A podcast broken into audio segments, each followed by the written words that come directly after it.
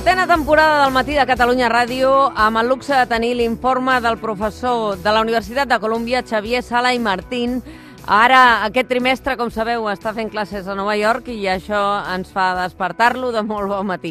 La cimera del G7, enmig d'un context de tensió comercial, ha sanificat l'intent d'Europa i de Donald Trump de suavitzar aquesta tensió. Els motius que han portat a Trump en aquest acostament europeu ens fan pensar en un president dels Estats Units que vella per l'economia del seu país o en un Trump que potser pensa ja en les eleccions. Aquest serà un any complicat allà als Estats Units perquè hi haurà primàries i enmig de tot això la sortida del Brexit sense acord, que a Europa és el que tenim més a prop i amb una Alemanya que no sabem eh, si continuarà sent o no el motor de la Unió Europea.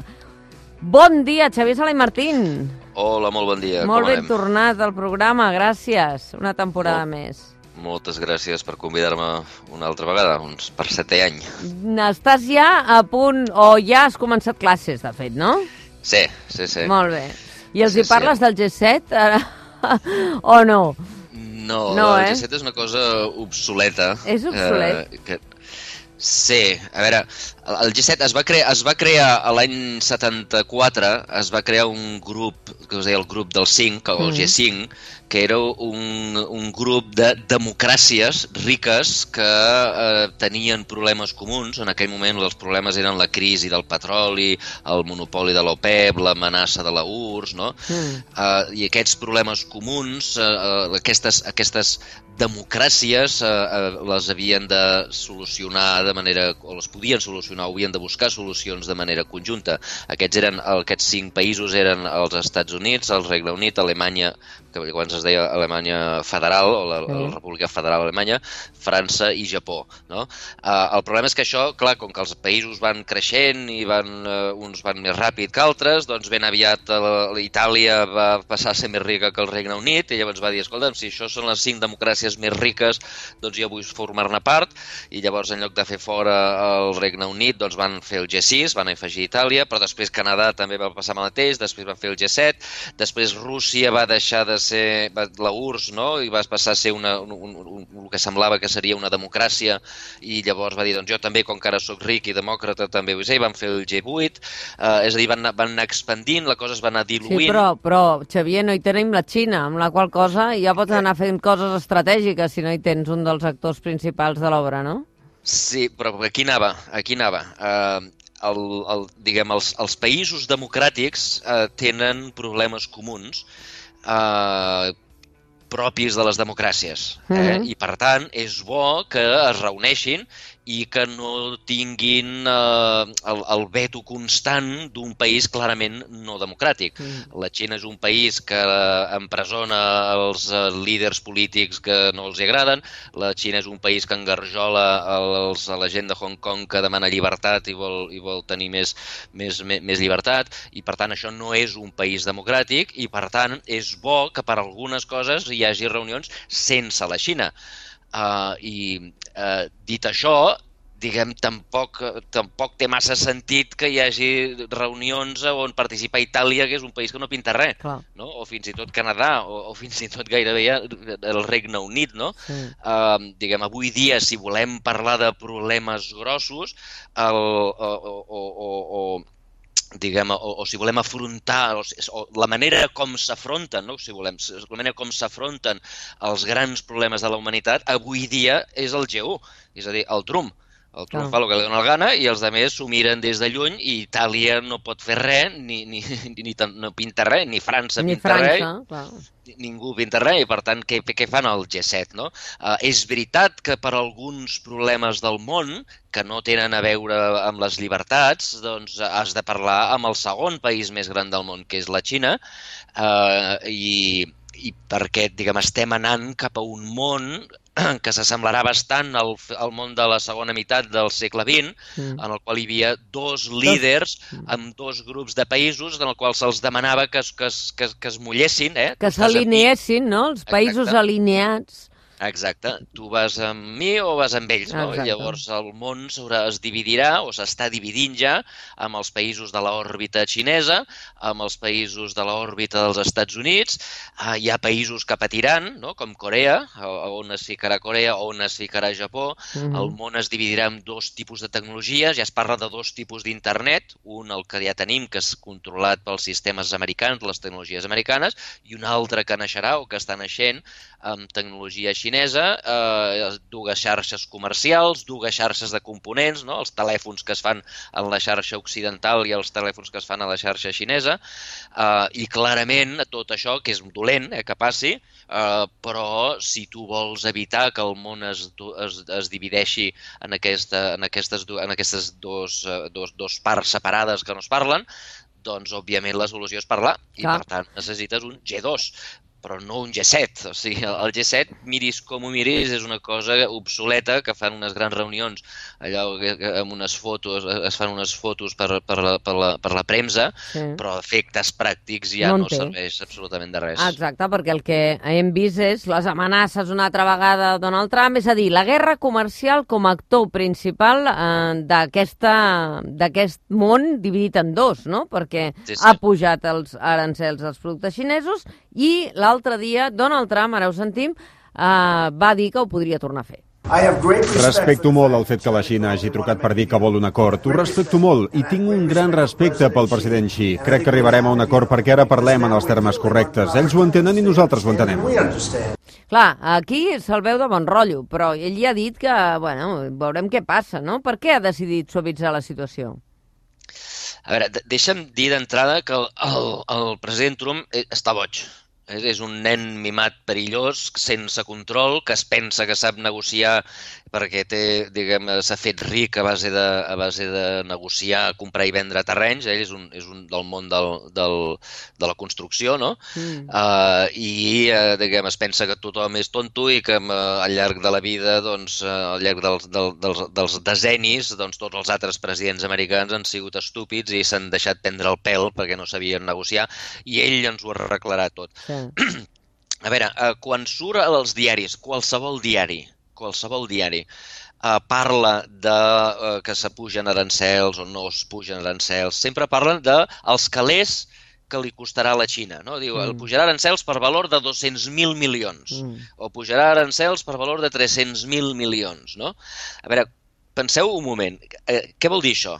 Arancels, bàsicament, són impostos als productes xinesos simplement pel fet de ser xinesos. Eh? Mhm. És a dir, els països, eh, si els productes xinesos, eh, eh, diguem, els productes normals eh, que es venen als Estats Units paguen un IVA o un impost del consum o els que treballen per fer-ho paguen un IRPF, tot això ho pagaran igual. Mm. Però, a més, pel fet de ser xinesos, i no anglesos o, o canadencs, no? pagaran un 15% Mm. extra, un 20% extra, eh? això és un arancel.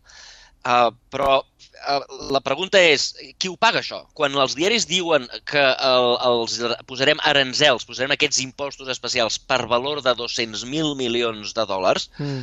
el que estan dient és que els qui comprin aquests productes pagaran 200.000 Clar. milions de dòlars addicionals. Clar. I qui comprarà aquests productes als Estats Units? Doncs jo, és a dir, els que vivim als Estats Units, Això és a banda i Pagarem. banda, és a dir, els arancels és com si posessis una tanca, no?, al final, i, i van... és un impost, Clar, és un impost. impost. Qui, qui paga l'IVA l'IVA a Barcelona? Uh -huh. Li paga la gent de Barcelona. Mhm. Tu compres un producte a Barcelona i pagues doncs, els, els, els, els impostos que els Estats Units posen en els productes xinesos, el pagarem els que vivim als Estats Units, els que comprem productes als Estats Units. Mhm. Ningú més no pagaran els xinesos. Mm. Per tant, eh, diguem, sota aquesta retòrica de que estem por, eh, diguem, perjudicant els xinesos, el, el, el que no se n'adona Trump, o no sé si se n'adona o, o, o, o, o se n'adona i, i, i fa veure que no, és que qui pagarà tot això, qui pagarà aquesta factura són els ciutadans dels Estats Units. Mm. Ni més ni menys. És veritat que amb aquest eh, amb, diguem, el fet d'encarir els productes eh, xinesos que es venen a la, eh, als Estats Units, el, el fet d'encarir-los farà que alguns eh, ciutadans diguin no, ara, ara el, el telèfon xinès és massa car, doncs ara compraré un telèfon canadenc o un mm. telèfon alemany o un cotxe alemany o un tèxtil alemany, no? Mm. Um, és a dir, és veritat que alguns substituiran i deixaran de comprar productes xinesos, cosa que perjudicarà efectivament a les empreses xineses, però el que queda clar és que el, que queda, el qui haurà de substituir i quedar-se un producte que no desitjava o un producte més car o un producte que no és la seva primera prioritat, el mm. qui pagarà tot això són els americans. Ah.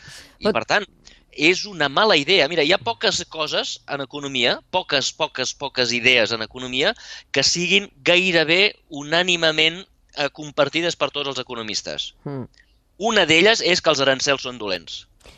Però abans, a l'inici d'aquesta argumentació, el professor Salai Martín ens deia Donald Trump és boig. Fins al punt que l'altre dia m'ha fet pensar que sentia un candidat que ho vol ser dels republicans per vèncer Donald Trump i un, el seu principal argument, un membre del Tea Party, deia és que eh, no ens podem permetre un boig quatre anys més. Però eh, això que dius, aquí eh, ho veu la classe mitja o precisament Donald Trump està fent tot això perquè en el fons no afecta directament o creuen que no afecta directament el seu votant mig? Exacte. El, aquí hi ha un petit problema, o sigui, aquest, aquest argument que, que he fet, eh, eh, diguem, el, el, fixa't, la part final he dit és possible que alguns ciutadans deixin de comprar productes xinesos i passin a comprar altres coses. És possible que aquestes altres coses siguin productes americans. Mm. Eh? Uh, per exemple, l'exemple clar estava quan amb tot això començar amb els impostos a l'acer, sí. eh? la producció d'acer. Sí. Si l'acer que ve de la Xina és més car, com que l'acer és acer, diguem, uh, la gent mira el preu només, uh, no, no és un telèfon que mires el sí. disseny, mires si és maco, si no és maco, si té més prestacions, no. L'acer és acer i, per tant, eh, si l'acer xinès és més car, comprarem acer nord-americà. I, per tant, és possible que algunes empreses dels Estats Units mm. hi surtin guanyant. I aleshores el que hem de mirar és on són aquestes empreses.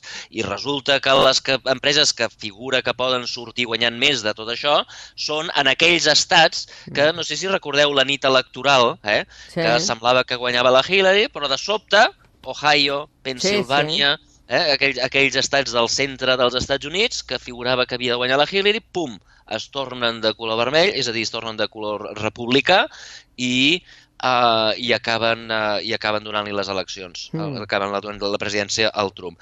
Um, diguem, la idea que té el Trump és que um, fent tot aquest espectacle uh, dona la impressió de que eh, les indústries tradicionals eh, que estaven en aquests estats, sí. Ohio, a Pensilvània, que són la indústria de l'acer, que són la indústria de l'automòbil, que són les indústries tradicionals, les indústries eh, del, del segle XX, sí. eh, doncs tornaran Eh? Si, si... És a dir, que les plantes de la General Motors que té a la Xina les tornaran a instal·lar als Estats Units?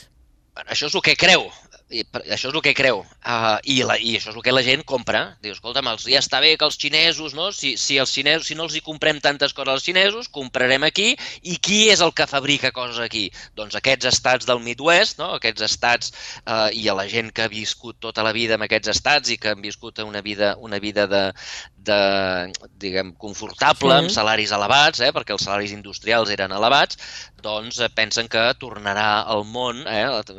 tornarem a fer Amèrica gran, no? We'll make America sí. great again, eh, que és el, és el, el, el, el seu eslògan. L'eslògan de campanya del Trump. No? El, el que passa és que eh, això no està clar que passi eh? Uh, no està clar que passi i si passa no està clar que tornin als llocs de treball. Mm. Uh, la gent somia amb les empreses aquestes, has mencionat General Motors de Detroit, sí. General Motors va arribar a tenir 250.000 empleats a les seves plantes de Detroit, avui li queden uns 40, però no perquè se n'hagin anat a la Xina. O sigui, no sé si heu vist perquè alguna... Perquè venen menys cotxes, no?, entre altres coses. Ells venen menys cotxes, però mm. si heu vist les imatges de com es fan avui dia els cotxes, Clar. Veieu que són braços mecànics clar, clar. arreu, pum, pum, pum, no, no hi ha gens, ho fan els robots, uh, i per tant, i fins i tot si tornen les fàbriques a Detroit, uh, tornaran els robots a Detroit, no mhm. tornaran, mm -hmm. uh, no tornaran els 250.000 llocs de treball que, que la gent espera. Mm. Uh, per què? Perquè una part del problema del Trump és que fa una diagnosi equivocada diu que els llocs de treball li han robat als mexicans i per això vol posar muralles i, i per evitar que vinguin els mexicans. Diu que una part li en roben els xinos perquè, perquè, perquè tenen una, una moneda devaluada i, i fan trampes i tal i qual, uh, però la realitat és que hi ha un canvi tecnològic que fa que la indústria cada vegada ocupi menys gent. Mm -hmm.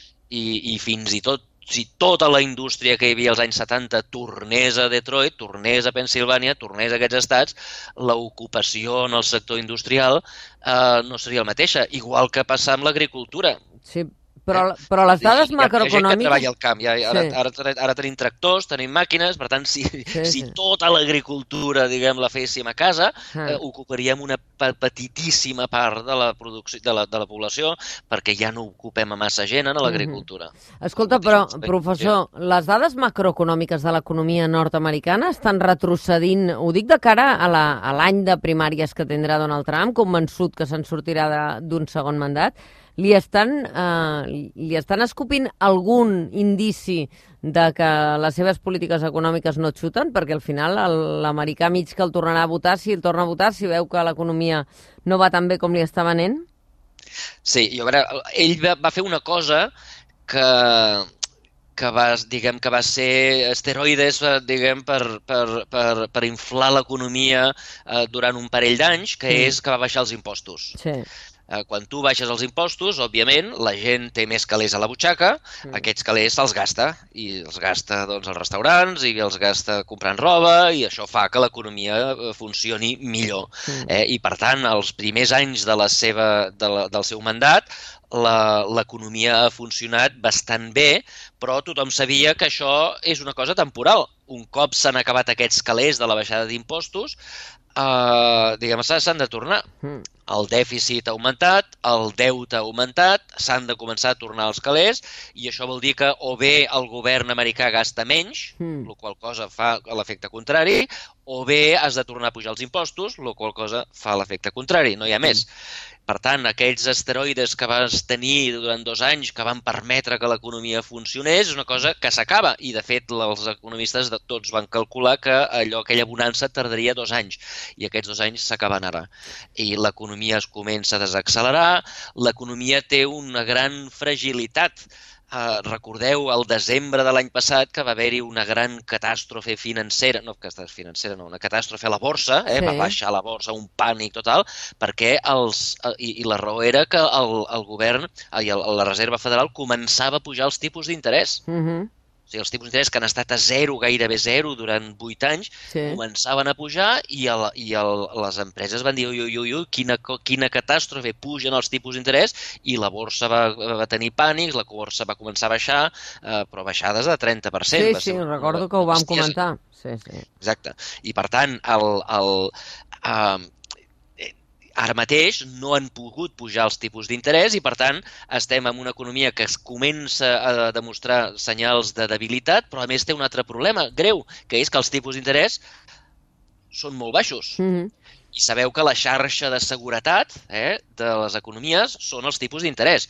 Quan eh, la, la crisi anterior, la crisi de, de, de, de l'any 2007-2008, va esclatar, esclatar, recordeu que els tipus d'interès eren el 4%, sí. i el primer que va fer el, el, el Banc Central dels Estats Units, eh, la Reserva Federal, el primer que va fer va ser de 4 a 0.